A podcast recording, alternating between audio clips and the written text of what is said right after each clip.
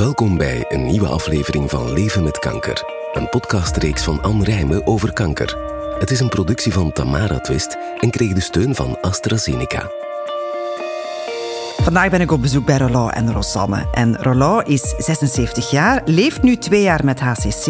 Hij is een open boek, nog heel actief. En hij heeft goede raad over leven met de diagnose, maar ook over het leven zelf. Anne zit vandaag aan tafel met Roland, een patiënt met hepatocellulair carcinoom, kortweg HCC. Hij wordt vergezeld door zijn vrouw Rosanne. Samen delen ze zijn traject en de emoties waarmee dit gepaard ging. Dag Roland.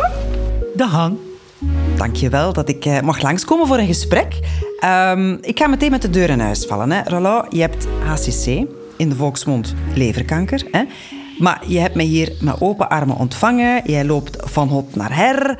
Ehm, jij wilt straks nog een beetje in uw tuin gaan werken. Als ik u niet tegenhoud, dan loop je sneller dan mij. Allee, in mijn ogen zie jij er niet ziek uit. En ben jij niet ziek. Maar ik heb het fout. Nee, dat is juist. ik voel me af en toe, laten we zeggen, helemaal niet ziek. Maar er zijn momenten bij dat ik inderdaad mijn rust nodig heb. Ik kan ook niet meer heel de dag ergens mee iets bezig zijn. Uh, in het begin mocht ik zelfs niet, maar nu mag ik dat wel. Maar ja, op een bepaald moment moet ik mijn rust nemen. Ja. En dat leer je geleidelijk aan. Ja, ja omdat dus het, je zal het wel aanvoelen dan. Ja, ja, je voelt dat aan. Ja. Zeg maar, laten we eens even naar het begin gaan, hè. Um, je gaat naar de dokter. Voelde jij jou ziek? Op een bepaald moment, 2 juli 2020, ik weet nog goed, het was op de verjaardag van vader Zaliger, krijg ik plots eeuwige pijn. Heel eeuwig. En we hebben onmiddellijk uh, contact genomen met de huisdokters hier vlakbij. Gelukkig, want wel anders was ik er niet meer. Ik kom daar en voor het eerst in mijn leven ben ik buiten bewustzijn gegaan. Ik had dat nog nooit meegemaakt. Twee huisartsen hebben mij onmiddellijk gereanimeerd en ze hadden onmiddellijk door dat de mug moest gebeld worden. De mug is gekomen met twee spoedartsen. Ik was er al terug bij een beetje en ik heb gezegd: voer me ergens naar een academisch ziekenhuis. Mhm. Maar ik moest eerst naar Sint-Niklaas. Dat was de afspraak blijkbaar. Daar hebben ze dan een opname gemaakt en gezien dat inderdaad er een barst was in de leverslagader. En dat gaf die hevige pijn? Dat gaf die eeuwige pijn. Dus je had een inwendige bloeding? Inwendige bloeding tot en met. Ja. En die twee spoedartsen die zijn dan onmiddellijk met mij naar het academisch ziekenhuis Mhm, gereden. Uh, daar stonden ze al klaar om ergens een ingreep te doen aan die leverslagader. Uh, een tamelijk jonge chirurg, die heeft onmiddellijk, laten we zeggen, me geholpen. Uh, zelfs in die mate dat hij verwonderd was dat ik wat bloed kon zien. En ik heb hem gevraagd of ik mocht meevolgen op het scherm. Ah ja, maar je bent, je bent leraar biologie geweest, dus jij dacht, ja, dit kan ik wel aan. Dat kan ik wel aan. En gelukkig, aan. als ik dat kon meevolgen, was voor mij, laten we zeggen, al een geruststelling. Mm -hmm. Want had ik dat niet kunnen meevolgen, dan vond ik dat ze nogal mysterieus. Ja. En nu heb ik gezien, wat is er aan de hand? Ja. Plus dan, die man was zo uh, lief. En op een bepaald moment zegt hij, kijk, na een half uurtje, de ingreep is geslaagd. Maar. Die neemt zijn telefoon en die belt onmiddellijk Rosanne op. Rosanne is jouw vrouw, die zit hier Ja. bij ons. Hè? Ja, ja, ja. Om te zeggen, het is geslaagd. ja. Maar toen was er geen sprake van HCC.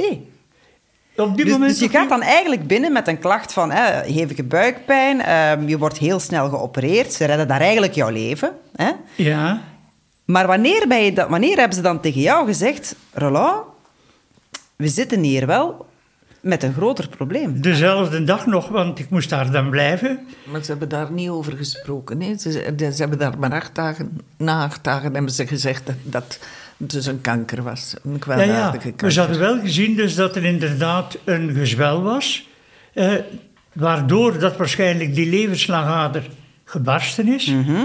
Eh, en dan zijn ze verder gaan onderzoeken. En ze hebben me van in het begin gezegd: Kijk, we gaan u de waarheid vertellen. Ik zeg: Ik vraag niet anders dan de waarheid. Ik zeg: En ik geloof ook in de wetenschap. Eh, dat vonden ze al meteen ook eh, heel, laten we zeggen, heel duidelijk. En dan hebben ze allerlei onderzoeken gedaan, eh, bloedonderzoek, maar ook, laten we zeggen, hebben ze gezegd: Nu gaan we dat verder onderzoeken. Eén pijnlijke zaak, waarschijnlijk gaan we ook nog punctie moeten doen. Ja. En dat moet je aankunnen, dat is heel pijnlijk. Heb ik gezegd, kijk, is dat nodig? Dan doen we dat. Ja, je ja. moet naar die mannen luisteren. Ik herhaal nog eens, je moet geloven in de wetenschap. Die mannen vertrouwen. Doe je dat niet, dan ga je beter niet naar het ziekenhuis. Nee, nee, nee, nee. En dan uiteraard hebben ze na een paar dagen ook eh, me gezegd... eh, meneer, het ziet er niet goed uit. Eh, mijn vrouw, daar hebben ze dan tegen gezegd... Ik had het eerst niet goed verstaan. We spreken nog over een paar weken. Vier weken. Vier We weken. spreken maximum over vijf, Vijf, maanden. maanden. Dus je, je komt daar, je krijgt je diagnose van HCC en ze zeggen daar tegen jullie: Dit is de tijd die je nog hebt. Wat, Rosanne, als je dat hoort, wat denk je dan? Aan de, de grond gaat van onder uw voeten, hè? Ja. Ja. En neem de voorzorgen, zijn ze er dan nog bij. Dus ja, Dus het moest allemaal heel snel voor jullie ja gaan. moest heel snel gaan. Ja, maar ja, de- ja. Wij, wij hebben dat niet gedaan. We zijn er niet zo snel over gegaan. Want ik dacht, hij is nog eh, fysiek nog sterk. We zullen wel zien wat dat wordt. Ja. Hè? En ja, En wat dacht jij, Rola, toen je dat hoorde? Wel, op die moment dacht ik, hola, we gaan al de wetenschappers een werk laten doen. Eh, en laat nog zeggen, en ik had er de volste vertrou- het volste vertrouwen in ook, dat die man inderdaad, wat zij vertelde, dat dat inderdaad mij kon helpen. Ja. Maar als ze tegen jou zeggen: Ja, vijf weken, we zijn twee jaar verder. Dat was even een tik op mijn kop. Ja. Eh, maar laat ons zeggen, daar was ik vlug over, omdat ik dacht, zo snel gaat het toch niet, hè? Eh, Want je had voor de rest eigenlijk geen klachten daarvoor. Nee, nee. Buiten die inwendige bloeding daarvoor was Ja. je nog steeds even huppelend Ja. als anders. Ja, die hevige pijn was dan wel weg. Hè, na die ingreep, hè, ze hebben daar een kapsel rondgestoken rond die leverslagater. Maar dan natuurlijk was het onderzoek van, hoe ver zit dat nu? Ja. En dan, in diezelfde week, hebben ze vastgesteld, hola, het is een verdroogde schijfhal op de lever, maar de ribben, de vierde en de zevende rib aan de rechterkant, die zijn aangetast. En welke behandeling heb je dan nu al ondergaan? Wel, de eerste van behandeling is die bestraling. Eh, dat was, je laat maar zeggen, tamelijk snel. En die had wel gezegd, je moet wel opletten, want eh, die bestraling, dat kan nevenverschijnselen hebben. Hè, en ze hebben die bestraling dan gedaan. Na twee dagen, alles stond al klaar, want dat is ja, allemaal vrij nieuw. Een echte bestraling, dat was ja, bijna een uur. En dan hebben ze me nadien opgevolgd vanuit het ziekenhuis om te vragen hoe dat verlopen was, of dat ik veel pijn had en zo meer. En op een bepaald moment hebben ze me gezegd: Kijk, je moet erbij nemen de aantasting van de bovenliggende spieren. En na twee jaar heb ik daar tussendoor inderdaad nog last van. Van uw, van uw spieren? Van de bovenliggende aan- spier. Van, ik van weet de lever. Boven de lever. Van de ribben. De vierde en de zevende rib aan de rechterkant. Ik weet ze goed liggen. Ja, ja, ja. Hij heeft heel veel pijn gedaan. Ja. Hij heeft er heel veel last van gehad, van die, van die Ja. ribben. Ja, ja, ja. En het is zeer lang eigenlijk. Zeer lang. Nu, de, de laatste tijd is ook wel een beetje opgelost. Hè? Ja, maar hij heeft ja, ja. er zeer, zeer lang Ja. pijn van gehad. Zeg, en ben je dan de mens die ook wel eens hulp vraagt, Roland? Of, of ga jij stuurs door? Eh, laat nog zeggen, heel veel hulp heb ik niet moeten vragen, want ze hebben mezelf aangeboden. Ze hebben me van in het begin aangeboden: eh, meneer, heb je psychologische bijstand nodig? Eh, die is zelfs bij mij geweest, die dame, en die heeft gezegd: kijk, als het nodig is, contacteer me. Ja. Heb je dat dan gedaan? Of... Ik heb die niet gecontacteerd Maar je hebt omdat hier Rosanne zitten natuurlijk. ik heb van in het begin kunnen rekenen op mijn echtgenote en op mijn twee kinderen. In het begin zijn die om de beurt, samen met mijn vrouw, meegeweest naar het ziekenhuis, zodanig dat zij van in het begin wisten waarover het ging. Ja. Want als je, als je die diagnose krijgt, hè, je, eh, Rosanne was erbij, je hebt je kinderen ingelicht, gaat dat dan ook verder? Is dat, zijn het de buren, de vrienden? Heb je dat vaak tegen mensen verteld of zwijg je er liever over? In het begin heb ik het vooral tegen de familie verteld. Ik heb ook nog een broer, ook onmiddellijk verteld daartegen. Mijn eh, schoonbroers enzovoort ook onmiddellijk verteld. Ja, eh, op die moment vond ik dat een uitlaatklep. Ja, ja, Eh, ja. iets opkroppen voor mezelf, dat heeft er nooit in gezeten. Hmm. Ik moet het kunnen vertellen. En dan een tijdje nadien waren er heel wat oud-collega's die al eens iets gehoord hadden, die zeggen, Roland, dat kan toch niet, jij? Ja. Jij waart nooit, Nooit ziek, ziek, en dan ja, ja, ja. plots wel. Ja. Enzovoort. Heb ik dat meteen uitgelegd. En dan natuurlijk, dat was de ene telefoon, het ene bericht na het andere, bezoeken aan huis, Hm. om te zeggen, dat kan u toch niet? Ik zeg, ja, het kan wel. Je ziet wel, hè. Je ziet wel, ja, ja, ja, tuurlijk. En welke behandeling heb je dan nu al ondergaan? Wel, nadien hebben ze overlegd wat ze gingen doen. En onmiddellijk hebben ze gezegd, uw immuunstelsel is behoorlijk goed. Want daarvoor had je niks. Ze hebben mijn bloed onderzocht, dat zat behoorlijk goed in elkaar allemaal. En dan hebben ze gezegd, voor u geen chemo. Ah ja. Maar we gaan wel immuuntherapie toepassen. Daar zijn ze dan mee begonnen een paar maanden nadien. Ik denk in augustus of zoiets. Ja. Zijn ze daarmee begonnen met immuuntherapie. Want ik heb er dan af en toe nog mee gelachen. En dacht zeg, wat krijg ik hier nu allemaal in mijn bloed? Eh, dat was voor mij allemaal Russisch wat er op die zakje stond. Maar kom, ik vond dat niet erg. Opnieuw weer dat, dat, die trouwheid aan, aan uw behandelend Ja. arts en, en het vertrouwen eh, in heel het team. En Ja. het hele team enzovoort ook. En dat was het, meneer, jij kunt precies goed prikjes verdragen. Ik zeg ja. Ze hebben u dan geen portakat gestoken? Nee, omdat zij zeggen, je kan dat goed verdragen. En ik moest maar terugkomen om de drie weken daarvoor. Mhm. En dan moest ik niet heel die tijd ermee rondlopen. Ja. Dat werd in de linkerarm gestoken, is in de rechterarm. Maar ik had er geen problemen mee. Ik moest alleen zien dat ik voldoende dronk. Ah ja, ja, ja, want ja. Dan moest ik weer denken aan het begin van mijn opname. Wat ze mij allemaal gevraagd hebben. Meneer, rook jij? Dat was het eerste. Ik zeg, nooit gerookt. Meneer, heb je tattoos? In die tijd al, hè, twee jaar geleden. Ja, ja. Ja, want die verf enzovoort, dat is niet gezond. Zeg, ik heb geen tattoos. Zeg, en ehm, had je klachten van jouw behandeling?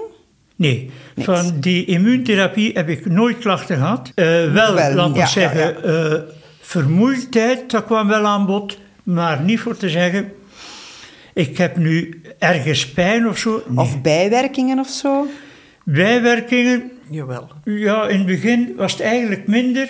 Ook al stem weg, hè. Ja, mijn stem, ja. Stem- mijn stem, dat was... eh, je stem weg. ik, mijn Dat stem, was een ja. drama, dat was een groter drama dat was zeker. erg, dat was Ja. erg. Want iedereen zei, dat kan niet. Roland zonder stem, dat kan niet. Nee, nee, nee. Maar dat kwam dan eigenlijk als bijwerking van, van de medicatie. Ja. Ja. Ja. Ja, ja, Ja.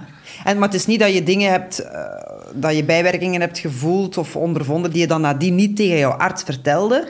Hij vertelde alles. Hij Ik vertelde alles, alles. eh, Ah, ja, dus als ja, er iets ja. was, heb ik dat verteld ook. Hij, hij- hij schreef dat ook op, hè, om te onthouden wat er Ja, ja. Ah, dat is toch goed. Want er zijn wel de patiënten die zeggen van ja, ik, ik, ik ga dat niet vermelden, want misschien moet ik dan wel stoppen met mijn behandeling. Oh nee, Nee, nee. nee, nee. Eh, ik had op dat, eh, in dat opzicht, laten we zeggen, een goede relatie. Mhm. Van in het begin hadden we gezegd, ik ga alles vertellen, maar jullie vertellen tegen mij ook alles wat er aan de hand open is. communicatie. Open communicatie. En Ja. dat vind ik één van de belangrijkste zaken, Ja. in mijn geval en in alle gevallen van mensen die ermee te maken hebben. Ja, ja, ja. Dus eigenlijk eh, die periode, allee, deze periode nog altijd, dat is jouw eigen rollout-team, zal ik maar zeggen. Dat is jouw behandelende arts, dat is Rosanne, je zijn je kinderen.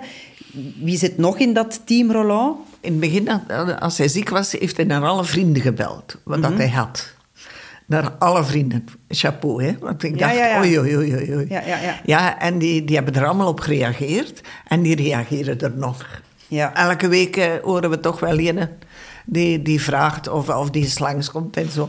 En dat geeft hem ook wel veel moed, in het begin toch zeker. Dus je bent heel open geweest naar iedereen, ook naar je vrienden. Maar in het ziekenhuis hebben ze nu natuurlijk... Het team breidt uit. Hè. Daar zijn diëtisten, psychologen, nog meer zorgverleners. Heb jij daar dan geen nood aan? Net omdat je je vrienden hebt. Voor een deel, laat ons zeggen, ik heb wel geluisterd naar de diëtist. In het begin eh, heeft hij mij verteld van, ik mag, je mocht dat eten, dat niet, eh, enzovoort. Maar op een bepaald moment eh, was het dan van, ja, eigenlijk mag je wel alles eten. Heb jij je levensstijl moeten aanpassen dan? Anders moeten eten? Ja, wel. In het begin, In het begin mocht, hij alleen maar mager. Alles mager. Magere yoghurt. eh, Ja. eh, en alles wat dan mager was. En ook geen rood vlees.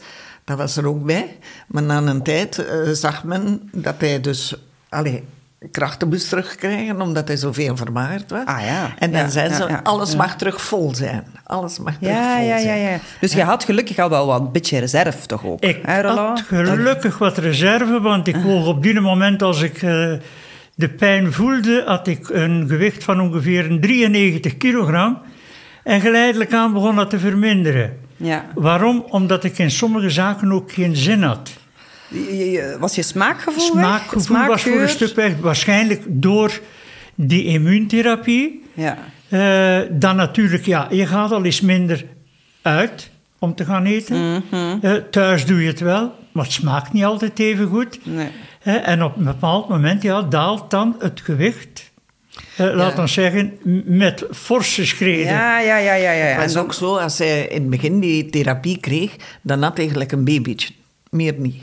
Hij kreeg dat niet binnen, dus de hoeveelheid wat hij anders nam, Ja. dat kon hij niet binnenkrijgen. Dat was ja, Te een veel, bordje van ja. een babytje, meer Ja, niet. ja, ja, ja. Totdat ze op dat moment gezegd hebben, ja, hij mag terug alles eten. En dan is hij stilletjes aan, hè. niet Ja, van ja. stilletjes aan terug gewoon beginnen eten, wat dat hij Ja. nu nog doet. hè. En nu eet je eigenlijk alles wat Ja. je wil dan. Ja, eigenlijk wel. Ja. Eh, Want nadien heb ik terug een diëtiste gezien, weer iemand anders. En die zegt, kijk, eigenlijk moet je alles eten. Zelfs vet. Dus die vond je toffer dan de eerste eigenlijk. Ja, dus, eh, en, maar ja, natuurlijk heeft ook te maken met de aangepaste medicatie nu. Eh, die medicatie neemt die dan een beetje later, na de maaltijd. Ja. Eh, want in het begin is me gezegd, ja, een uurtje ertussen. Is het een beetje een vetrijke maaltijd, later twee uur tussen. Maar dan gaat het nu over die medicatie die ik gekregen heb, zowat een jaar geleden. Eh, want dan hebben ze mijn immuuntherapie stopgezet op een Ja. bepaald moment. Waarom? Omdat er blijkbaar, laten we zeggen, eh, geen beterschap was. In die zin, men zag op de scan dat er een paar kleine uitzaaiingen waren in de rest van de lever. Eh, in de punctie, laten we zeggen, had men gezien dat er helemaal geen uitzaaiingen waren, een paar maanden tevoren. Eh, wat dat betreft, punctie, dat is wel het pijnlijkste dat ik heb meegemaakt. Ja, ja, ja. In het dode gedeelte van de lever, maar ook in het levende gedeelte van de lever. ja, ja. En in het levende gedeelte, dat was het pijnlijkst. Ja. Maar ik heb dat laten doen omdat ze zeggen, kijk, dan kunnen we aan de hand van die stukjes zien of dat er een verdere uitzaaiing is. Ja. En ik heb dan gemerkt op een verslag ook, en ze hebben het ook zo verteld, dat er inderdaad weinig of geen uitzaaiing meer was. Dan hebben ze wel op die moment mijn eh, medicatie aangepast. Maar ik moest s'morgens beginnen met 400 milligram en s'avonds nog eens 400 milligram. En dan is het een beetje fout gelopen. Want mijn bloeddruk steeg naar 22, 23. En normaal had ik een bloeddruk van zowat 12 over 8. Eh, en dat was de ene keer zo. Onmiddellijk contact genomen met het ziekenhuis, met de oncoloog. En die zeggen, och, we gaan het eventjes een week on stellen. Na een week de helft. 200 milligram morgens, 200 milligram 's ik nu nog altijd. En laat ons zeggen, op dit moment, als ik nu te horen krijg, hoe zit het met uw verhaal, dan moeten we zeggen, daar is alles stabiel gebleven. Zeg, Rosanne, jullie hebben eigenlijk op korte tijd veel meegemaakt, veel gehoord. Daar komen heel wat emoties bij kijken. Hoe belangrijk is het gezin hier in dit verhaal? Zeer belangrijk. Ja. Zeer belangrijk. Ja, ja, ja. Dat je een uitlaatklep hebt. Dat is inderdaad zo. En Dat hebben we van in het begin gehad, die uitlaatklep. Eh, ze hebben het ook van in het begin goed mee kunnen volgen. En als ik nu op controle ga, dan moeten we onmiddellijk doorgeven wat de dokter gezegd heeft. Ja. En ik vind dat ook belangrijk. Dan weten zij ook meteen, oh, het is stabiel. Hè, want ze En dan staan- zijn ze terug gerustgesteld. Ja. Want Ja. ik zie, hè, Rosanne, je hebt het er moeilijk mee. Hè? Is, is dat dat je, dat je bang bent voor de toekomst? Of wat is, uw- wat is uw Nee. grootste... Waar had het meeste schrik voor? In het begin, hè, als zij zo slecht was, dat afscheid nemen. Daar waren we toen mee bezig in uw hoofd. Van, Ja, ja, ja, die dokter had gezegd in die eerste maanden. ja, ja, ja. En ja, dat de kinderen ook zeiden, ja, we moeten er rekening mee houden, wat de dokter gezegd heeft. ja, ja, ja, En dat was het moeilijkste. ja. En als je daaraan terugkijkt, dat is eigenlijk, eigenlijk is dat een traumatische ervaring, dat horen. Ja. Ja. Ja. En als zij in het ziekenhuis zo wachten op die telefoon. Oh, het gaat van de nacht toch niet zijn, zeker. Het gaat van de nacht toch niks gebeuren. Hè. Dus eigenlijk leven met angst. Ja, ja, die eerste maand. Ja. Zeker, zeker. Maar eens dat hij er dan... Ja, ik kon zien als hij uit zijn bed kwam... of dat hij een goede dag had of een slechte dag. de dagen waren niet altijd hetzelfde. Hè. Dat, dat, dat- Nee, nee, nee, weet nee. iedereen. Hè. En de- op een duur gaf dat wel moed... omdat dat terug, terug beter werd. Hè. Ja. Als ik nu zie... Goh, tegenover vorig jaar in juli... Dat is een wereld van verschil. Ja. Maar als, als ik u hoor praten, Rollo, ehm, er is heel veel gebeurd. Er is ook heel veel om te verwerken. Ook dingen die nog niet verwerkt zijn. Maar hoe komt dat jij zo hoopvol blijft? Hoe... Je, je, Ah, omdat die medicatie nu werkt en elke keer als we gaan, dat de dokter zegt: Goh, Roland, je ziet er goed uit. Maar Ja, ja, ja, je ja. ziet er goed uit. Hij vraagt ook elke keer of dat we op reis gaan geweest zijn. Want hij sprak in het begin altijd: Ik kan niet op reis gaan, ik kan niet dit, ik kan niet dat. kan- en, waarom kon je niet meer op reis gaan? Wel, kijk, Fysiek, het was het probleem, laat ons zeggen, omdat ik, eh, dat ze me gezegd hadden, kijk, zorg ervoor dat je niet te ver gaat, blijf binnen Europa, iets wat we vroeger niet altijd deden, Eh, want als er wat aan de hand is, dan zit je toch nog altijd in een Europese context, Ja, ja, eh, wat ziekenhuis betreft wordt. enzovoort ook. Ja, en dat was een beetje moeilijk in het begin en voor een stuk nu nog altijd. Dat we moeilijk op voorhand kunnen plannen. We gaan weg of we gaan niet weg. Ja, ja, ja. En vorig jaar zijn we dan uiteindelijk nog een last minute weg geweest. Dat lukt al beter en zo. Maar Dat, dat doe je dan nadat je opnieuw een onderzoek hebt gehad en dan weet je Ja, dat ja, het ja, goed is. en dan, ja. eh, ja, Ja, ja, ja. En dat er genoeg ruimte tussen is. hè. Maar natuurlijk, eh, dan heb ik meteen ook al tegen de omgeving, laat ons maar zeggen, en familie en vrienden, die nogal talrijk zijn enzovoort, kunnen zeggen hoe dat met mij is. Eh, Ja. Want ik moet het niet altijd zelf zeggen. U wordt regelmatig gebeld van, Roland, hoe is het? Ja. Eh, en daar komen ze ook al eens langs. Eh, meer en meer, eh, Ja. laat ons zeggen. Die zijn er ook mee bezig. En dan word je gewaar, ja kom, eh ze snappen nog altijd niet goed dat Roland dat overkomen is. Ja, ja, ja, en dat probeer ik ze duidelijk te maken. Het kan iedereen overkomen, maar je moet erover durven praten. Mm. En je moet vooral geloven in de wetenschap. Dat Eh, is eigenlijk uw raad ook naar andere patiënten ja, toe. Van die wetenschap, geloof daarin. Ja, Ja, ja, ja. En volg ook wat zij u voorleggen. Eh, zeggen ze die medicatie, neem ze dan ook. ja. Eh, en niet van, oh, het zal wel niet nodig zijn vandaag. Nee, Eh, je doet wat dat die mannen zeggen. Ja. Ze zijn erin thuis. En ja, ja, En daar geloof ik nog altijd in. ja. Zeg, Rosanne, je hebt dan ja, Team Rollo, zo ga ik het noemen, hè, waar dat jij natuurlijk een heel groot deel van uitmaakt. Maar waar ga jij naartoe als jij... Ah, ik had heel goede vrienden. En die kwamen... niet- Allee, gezamenlijke vrienden, wat het Ja, zo ja, ja. En die kwamen dikwijls, en als hij moe was, kwam hij hier op de zetel liggen. En als wij buiten zaten, dan bleven die zitten. En dan was dat voor mij ook een uitlating. Hè? En eh, heel regelmatig dat ze belden om te vragen hoe dat met mij was. Ja, ja, ja. Ja. ik merk wel dat jullie heel goed omringd zijn. Wel, hè? Ja, ja, ja. Ik denk dat, dat jullie de beste vrienden van de wereld hebben ook. Hè? Ja, ja, ja. Ja. want dan ondervinden maar wie je vrienden zijn. Ja. Waar dat iets kunt tegen vertellen. Je kunt tegen alle vrienden niet alles vertellen. Hoor. Je moet er een onderscheid in maken. Hè, want de ene vriend kan dat aan en de andere kan dat niet aan. Ja, ja, ja, ja. Maar eh, eh, allee, ja, op onze leeftijd zijn de meesten wel al dat ze iets aan kunnen. Hè. Ja, ja. dat ze iets aan kunnen. Zeg, en hoe, hoe kijken jullie naar de toekomst? Vele jaren is, ja. Gelijk dat hij nu is, hè. Ja, ja, dat ja, hij ja. nu is, Nee, nee, want de laatste keer ook, laat ons zeggen, werd er niet meer gesproken over een paar weken of een paar maanden. Eh, maar als ik dan zo de vraag stelde, dan sprak men al over vijf à tien jaar. Dat is wat anders dan uw eerste vijf Eh, weken. Ja, ja, afhankelijk van uiteraard eh, wat er mij verder overkomt. Maar ik had wel, en dat heb ik erbij gezegd, nood aan nog iets kunnen doen. Een hele dag stilzitten kan ik niet. Dat had ik al Eh, gedacht, ja. eh, ik, ik moet ergens iets kunnen doen. Sommige zaken doe ik best niet, maar ik heb heel goede geburen ook. eh, die dan zeggen, zeg Roland, gras afrijden, dat doe jij niet. Ja, maar zijn dan zwakke periode, hè. Ja, ik kom dat doen. De man die recht over me woont, die zegt, ik heb een tractorke. Ik rijd er vijf minuten over En het is gedaan. en het is Ja. gedaan.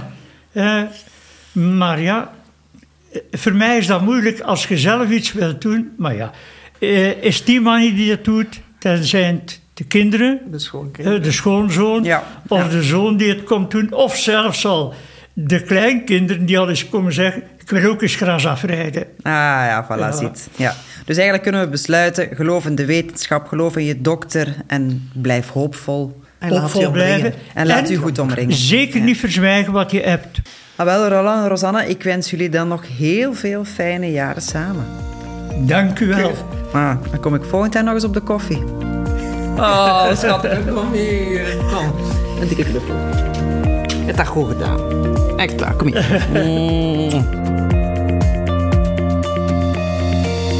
Het dieetadvies gegeven aan de patiënt in deze podcast is individueel opgemaakt.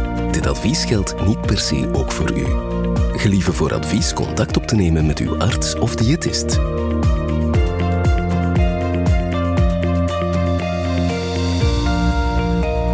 Bevalt deze podcast jou? Beluister dan zeker ook onze andere podcasts om meer te weten te komen over leven met kanker. Deel het met mensen uit je omgeving waarvoor het ook een steun kan zijn. Bedankt voor het luisteren en graag tot een volgende keer.